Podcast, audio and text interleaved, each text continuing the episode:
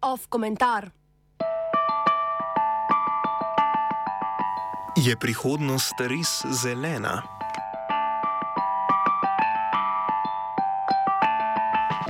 Za Brazilijo, največjo državo na svojem kontinentu, se je pred leti zdelo, da je na pravi poti. Bivši predsednik Luiz Inacio Lula da Silva je bil v prejšnjem desetletju politik z najvišjo stopno priljubljenosti, ta se je stabilno gibala okoli 80 odstotkov.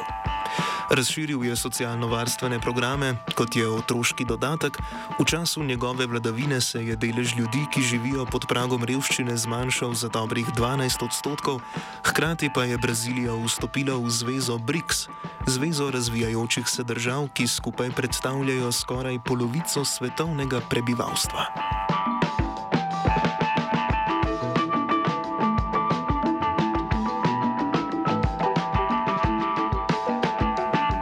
Težave v Braziliji nastopijo z naslednjo predsednico Dilmo Rousseff, ki je svoja dva mandata preživela med nenehnimi protesti zaradi investicij, ki so bile škodljive za okolje in staroseljska ljudstva.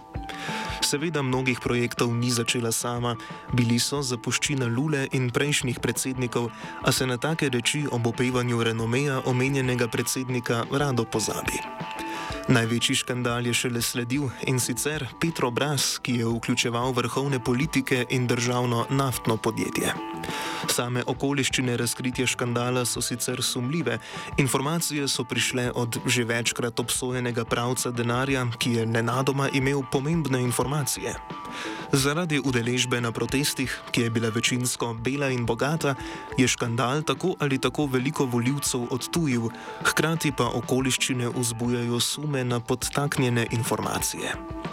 Korupcijski škandal je odnesel predsednico, Lula pa je bil obsojen korupcije in podkupovanja ter pristal v zaporu. Levičari še danes odstavitev Dilme Rousseff, po kateri je predsednik postal desničar Mišel Temer, razumejo kot znotraj parlamentarni državni udar proti Lulovi delovski stranki, ki je pripadala tudi Rousseff.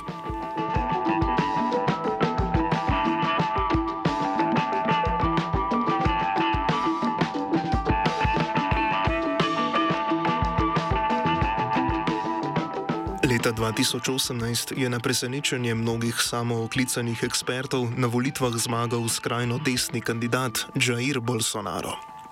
To se ni popolnoma skladalo z idealizirano in poveličevano podobo Latinske Amerike kot svetlega primera razvoja pod taktirko zahodnega intervencionizma.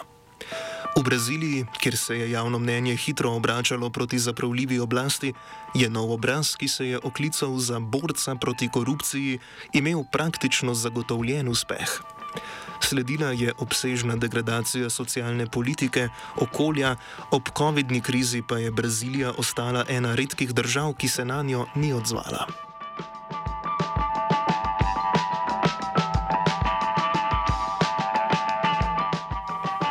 Teden so se Brazilci znova podali na predsedniške volitve. Zmaga z zgodovinsko prednostjo se je obetala Luizu Inaciju Lulu da Silvi, ki je bil lani oproščen obsodbe korupcije in je po nekaj letih v zaporu spet imel pravico kandidirati. Pričakovana je bila gladka zmaga nad glavnim nasprotnikom, Žairjem Bolsonarom, ki se poteguje za drugi mandat. Mnogi drugega kroga sploh niso pričakovali, a je Lula v prvem krogu Bolsonara premagal le za dobrih pet odstotnih točk.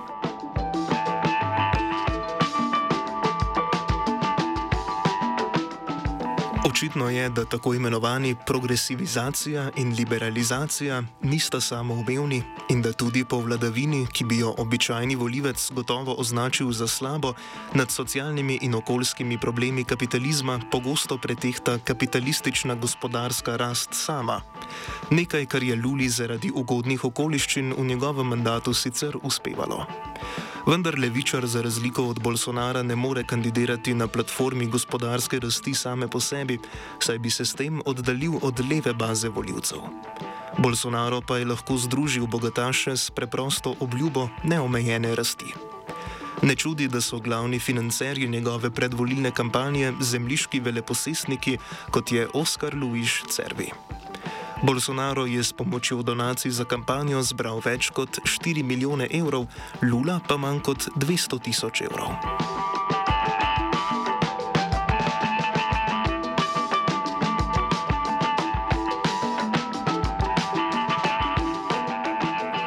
Vse, kar smo povedali, pripelje do dveh osrednjih problemov, ki jih imamo zahodnjaki in evropejci v odnosu do Brazilije in njenih predstavnikov. Najprej, zgodovina škandalov Lule je begajoča. Čeprav mu v priljubljenosti med ljudstvom ni para, njegovo predsedovanje ni bilo brez škandalov in slabih odločitev.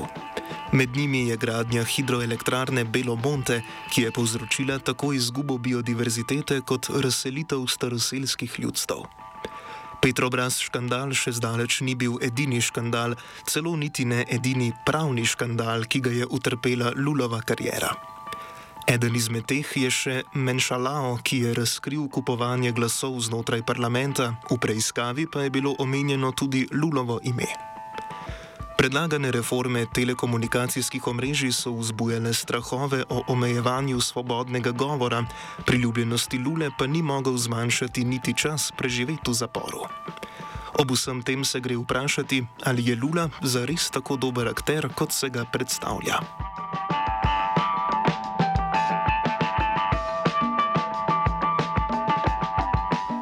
Jasno je, da v svoji karieri ni dajal okoljevarstva na prvo mesto in da so njegove predvolilne obljube neizmerno splošne. Pri tem ne trdimo, da je Lula slabši moralni akter od Bolsonara, verjetno ni. Definitivno pa volitve v Braziliji niso izbiranje med dobrim in zlim, in naivno je verjeti, da se bosta po Lulovi zaprisegi pričela cediti med in mleko.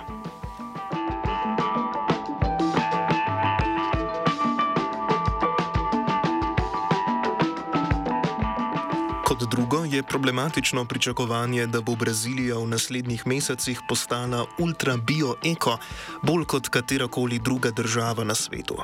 To je moč opaziti že v predvolilnih obljubah Lule, ki obljublja obvarovanje Amazonke, delo Petrobrasa na energetski tranziciji in zavarovanje okoljskih aktivistov. Prav zelene obljube so tiste, o katerih zahodni mediji največ poročajo. Jasno, v Braziliji leži največji del amazonskega deževnega pragozda, ki ga jim je usoda pač naložila v breme, da ga obvarujejo pred plenilskimi podjetji, izhajajočimi iz zahodno-severne hemisfere. Problem prekomernega izkoriščanja ali zares izkoriščanja nasploh ni reševan pri izvoru tekmovalnosti multinacionalk, pač pa se zahodni svet čuti poklicanega, da državam v razvoju pred nosom maha s korenčkom, malho polno denarja in pričakuje, da se mu bodo odpovedale v imenu ohranitve okolja. To samo žrtvovanje pa mnogokrat poteka brez zunanje pomoči, alternativnih zelenih investicij in, če ne drugega, praznih obljub o integraciji. Vseeno naj bi se tisti, ki imajo s klimatskimi spremembami bore malo, vrgli na Damoklejev meč in rešili svet, medtem ko Slovenci iz Ljubljane v Beograd potujemo z letalom.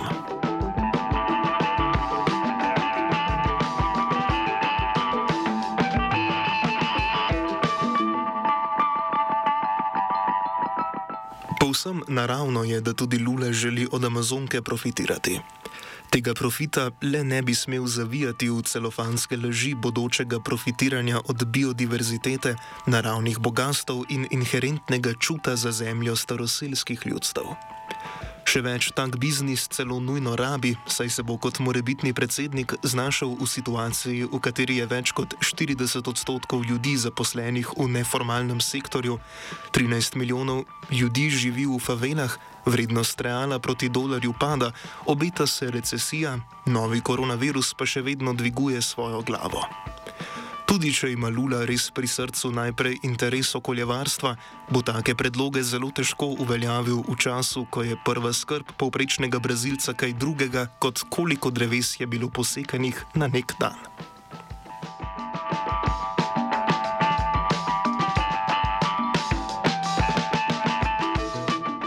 Ne glede na to, ali Lula zmaga ali ne, je pomembno obdržati pričakovanja v mejah, ki so realistične. Popolnega preobrata v zeleno ne gre pričakovati že iz čisto preprostih računsko-gospodarskih razlogov. Še posebej pa tega ni pričakovati od Lule, katerega zgodovinsko izročilo ga je izrodilo v napol mitiziran lik, ki se na sceno pojavi takrat, ko je treba Brazilijo rešiti. Lula to ni. Kar je, je predvsej dober politik, a še vedno politik, ki operira znotraj sistema, ki mu je dan. Nima revolucionarnih pretenzij, zato bodo kratkoročne utilitarne odločitve vedno pretehtale pred tistimi, ki bi dejansko na novo ustvarjale razmerja moči.